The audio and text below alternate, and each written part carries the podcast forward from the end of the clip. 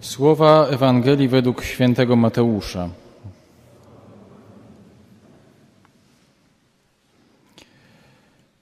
Jezus powiedział do swoich uczniów: Nie sądźcie, że przyszedłem znieść prawo albo proroków. Nie przyszedłem znieść, ale wypełnić. Zaprawdę bowiem powiadam wam, dopóki niebo i ziemia nie przeminą, ani jedna jota, ani jedna kreska nie zmieni się w prawie, aż się wszystko spełni. Ktokolwiek więc zniósłby jedno z tych przykazań, choćby najmniejszych, i uczyłby tak ludzi, ten będzie najmniejszy w Królestwie Niebieskim. A kto je wypełnia i uczy wypełniać, ten będzie wielki w Królestwie Niebieskim. Bo powiadam wam, jeśli wasza sprawiedliwość nie będzie większa niż uczonych w piśmie i faryzeuszów, nie wejdziecie do Królestwa Niebieskiego. Słyszeliście, że powiedziano przodkom: Nie zabijaj, a kto by się dopuścił zabójstwa, podlega sądowi. A ja wam powiadam: każdy, kto się gniewa na swego brata, podlega sądowi. A kto by rzekł swemu bratu raka, podlega wysokiej radzie. A kto by mu rzekł bezbożniku, podlega karze piekła ognistego. Jeśli więc przyniesiesz dar swój przed ołtarz i tam sobie przypomnisz, że brat twój ma coś przeciw tobie, zostaw tam dar swój przed ołtarzem, najpierw idź i pojednaj się z bratem swoim. Potem przyjdź i dar swój ofiaruj. Pogódź się ze swoim przeciwnikiem szybko, dopóki jesteś z nim w drodze, by cię przeciwnik nie wydał sędziemu, a sędzia dozorcy i aby nie wtrącono cię do więzienia Zaprawdę powiadam wam, nie wyjdziesz stamtąd, dopóki nie zwrócisz ostatniego grosza. Słyszeliście, że powiedziano nie cudzołóż. A ja wam powiadam, każdy, kto porządliwie patrzy na kobietę, już się w swoim sercu dopuścił z nią cudzołóstwa. Jeśli więc prawe twoje oko jest ci powodem do grzechu, wyłup je i odrzuć od siebie. Lepiej bowiem jest dla ciebie, gdy zginie jeden z twoich członków, niż żeby całe twoje ciało miało być wrzucone do piekła. Jeśli Twoja prawa ręka jest Ci powodem do grzechu, odetnij ją i odrzuć od siebie. Lepiej bowiem jest dla Ciebie, gdy zginie jeden z Twoich członków, niż żeby całe Twoje ciało miało iść do piekła. Powiedziano też, jeśli ktoś chce oddalić swoją żonę, niech jej da list rozwodowy. A ja wam powiadam, każdy, kto oddala swoją żonę, poza wypadkiem nierządu, naraża ją na cudzołóstwo, a kto by oddaloną wziął za żonę, dopuszcza się cudzołóstwa.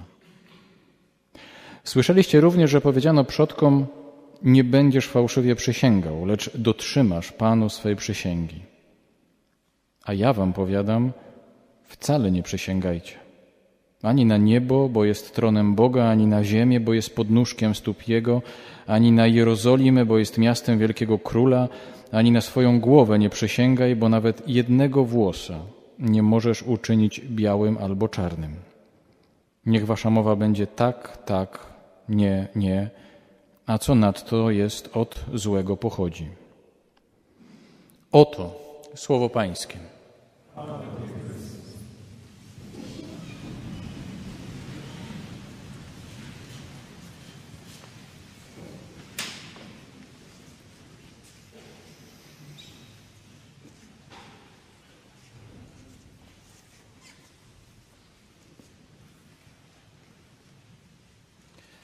Słuchając tej dzisiejszej Ewangelii, jej wymowy z jej y, jakby centralnym i wprowadzającym pytaniem, jeśli by nasza sprawiedliwość nie była większa od uczonych w piśmie i faryzeuszy, to nie wejdziemy do królestwa, nie wejdziemy do nieba.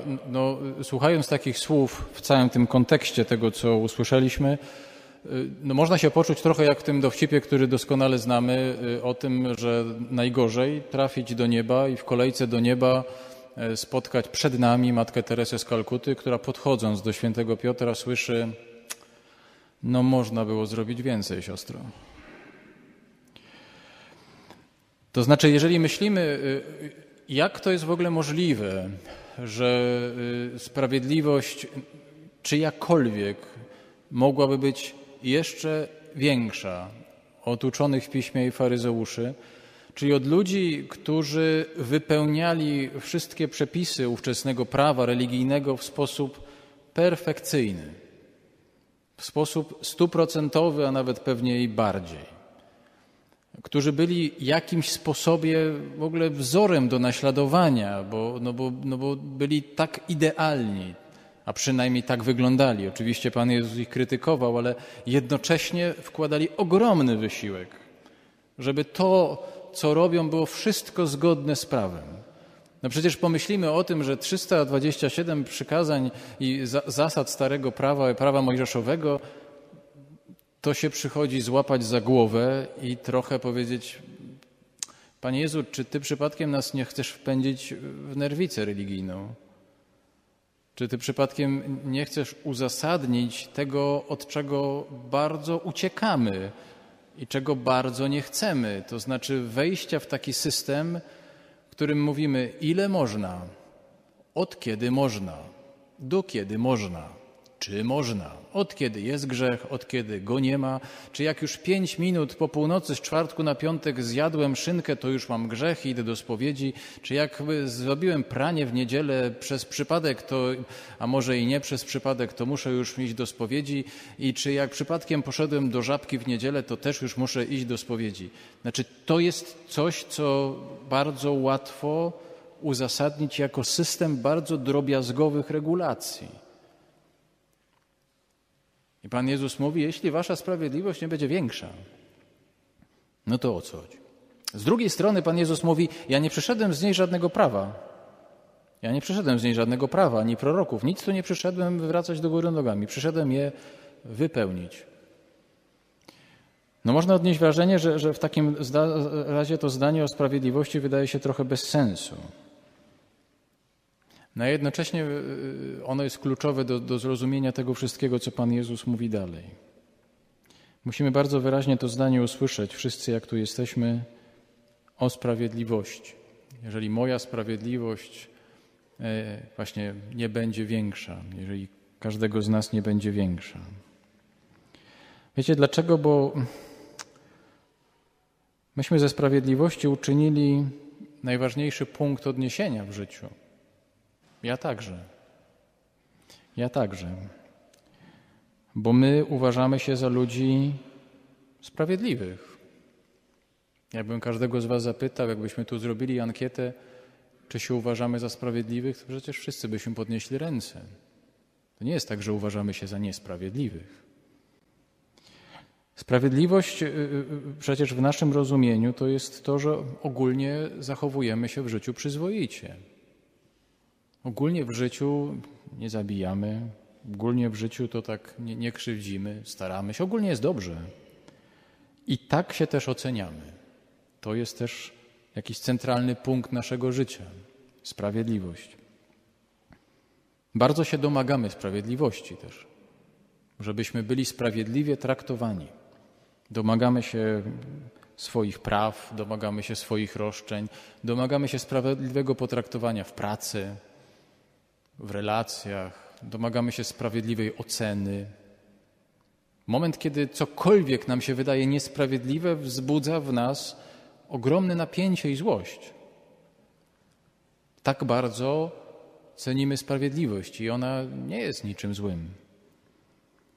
Co więcej, myślę, że, że doskonale też to czujecie, że, że, że my jesteśmy też bardzo przekonani do tego, że potrafimy innych osądzać sprawiedliwie że potrafimy osądzać czyjeś zachowanie y, sprawiedliwie. Że y, jak jedziemy samochodem i y, coś się dzieje na drodze, to my wiemy, kto tu jest winien, a kto nie. I wiemy, jak ktoś na nas krzywo patrzy, to czy jesteśmy winni, czy to przypadkiem nie jest właśnie wina tego, kto krzywo patrzy. I wiemy, jak to wygląda w sklepie, jak nie daj Boże, ekspedientka popatrzy na nas znudzoną miną. No co ona sobie tutaj wyobraża? Wiemy to. Wiemy to w małżeństwie, wiemy to między sobą. Mamy takie też poczucie bardzo głębokie. I nie mówię tego z zarzutem. Próbuję to tylko opisać, także sobie, że wiemy, co to jest sprawiedliwość. I generalnie jesteśmy przekonani, że sprawiedliwość trzeba wymierzać. I trzeba wszystkich nas potraktować sprawiedliwie, że my tak traktujemy innych.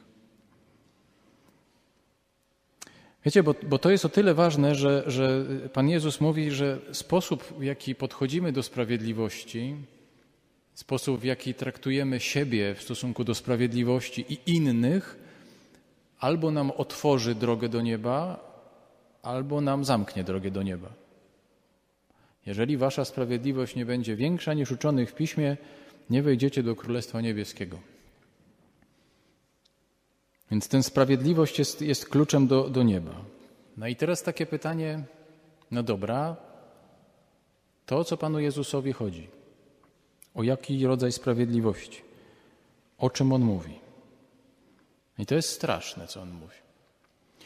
Jeśli ktoś by powiedział do swojego brata bezbożniku, to idzie do piekła.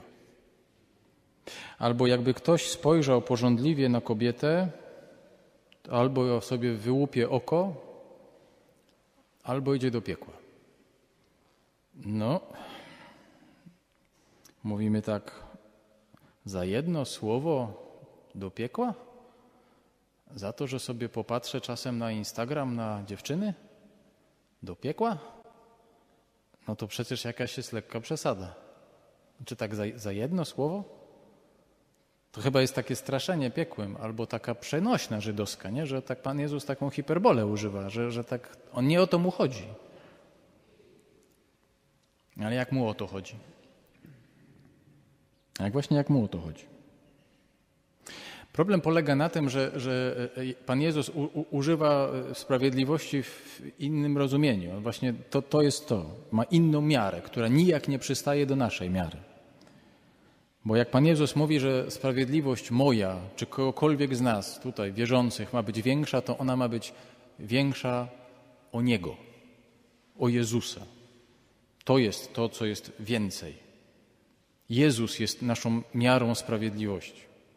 Jego zachowanie, Jego gesty, Jego słowa, Jego sposób myślenia, Jego sposób modlitwy, odnoszenia się do ludzi, odnoszenia się do Boga – to jest miara naszej sprawiedliwości, ona znaczy to więcej. Miarą naszego postępowania, mojego, waszego, jest Jezus, a nie prawo. Prawo to jest łatwe. Zasady to jest łatwe. Przykładów mamy dość dużo i ludzie z tego powodu nie stają się, nie wiem, bardzo szlachetni i, i w ogóle święci. Potrafią mówić, że wszystko było zgodnie z prawem i być okrutnymi to Jezus pokazuje, co to znaczy to więcej, ponieważ On jednocześnie wypełnia prawo i nowe stanowi. Bardzo prosty przykład z tej Ewangelii. Pan Jezus mówi o tym, że jak jesteś, idziesz do kościoła, idziesz, do, tak, idziesz złożyć swój dar, jesteś niepojednany ze swoim bratem, to weź to zostaw, weź, weź, wyjdź z tego kościoła, idź się pojednaj ze swoim bratem bo masz tyle czasu, żeby się z nim pojednać, żebyście potem nie trafili do więzienia. I to jest dokładnie to, o co Panu Jezusowi chodzi. To znaczy, że Pan Jezus w myśleniu o sprawiedliwości nie mówi w tym przykładzie o to, że oceni, kto jest winny, a kto jest niewinny, kto ma siedzieć w więzieniu, a kto ma z tego więzienia wyjść, tylko Panu Jezusowi, jak mówi o sprawiedliwości, to chodzi o pojednanie między braćmi. A nie, że ty byłeś winny, poprzepraszaj, a ja byłem niewinny, to oczekuję przeprosin. A on mówi: pojednaj się. To jest moment sprawiedliwości. Mówi: oceń siebie, swoje myśli, tak jak potrafisz, bez udawania, bez wypierania. Oceń siebie, oceń swoje myśli. Bo na zewnątrz wszystko może świetnie wyglądać, ale serce może być pełne namiętności, porządliwości. Nie wiem, pewnie, pewnie Pan Jezus tego nie, nie, nie wymyślił, że kiedyś tak będzie, że ludzie będą patrzeć na piksele i będą się podniecać z powodu tego, że widzą, nie wiem, atrakcyjnego mężczyznę albo atrakcyjną dziewczynę.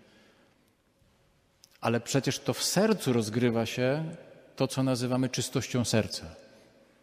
Błogosławieni czystego serca, a nie tego, czy mają czyste ręce i ładnie wyglądają. Nie, Pan Jezus powiedział czystego serca, czyli tego, czego nie widać. To tu się rozgrywa kwestia sprawiedliwości i kwestia tego oceniania innych o Jezusa. To jest to więcej. To dopiero jest trudne, ale taką miarę Pan Jezus nam zostawił. I powiedział co więcej, że jak tak będziemy tak postępować, właśnie mierzyć rzeczywistość nim, to to będzie to więcej. Jeżeli wejdziemy poza proste schematy, tylko winny, niewinny, kara, nagroda, to wtedy rzeczywiście między nami będzie się działa sprawiedliwość Boża. Nie nasza, Boża. I wtedy rzeczywiście możemy doświadczać tego, o czym mówi, że otwierają się przed nami bramy nieba.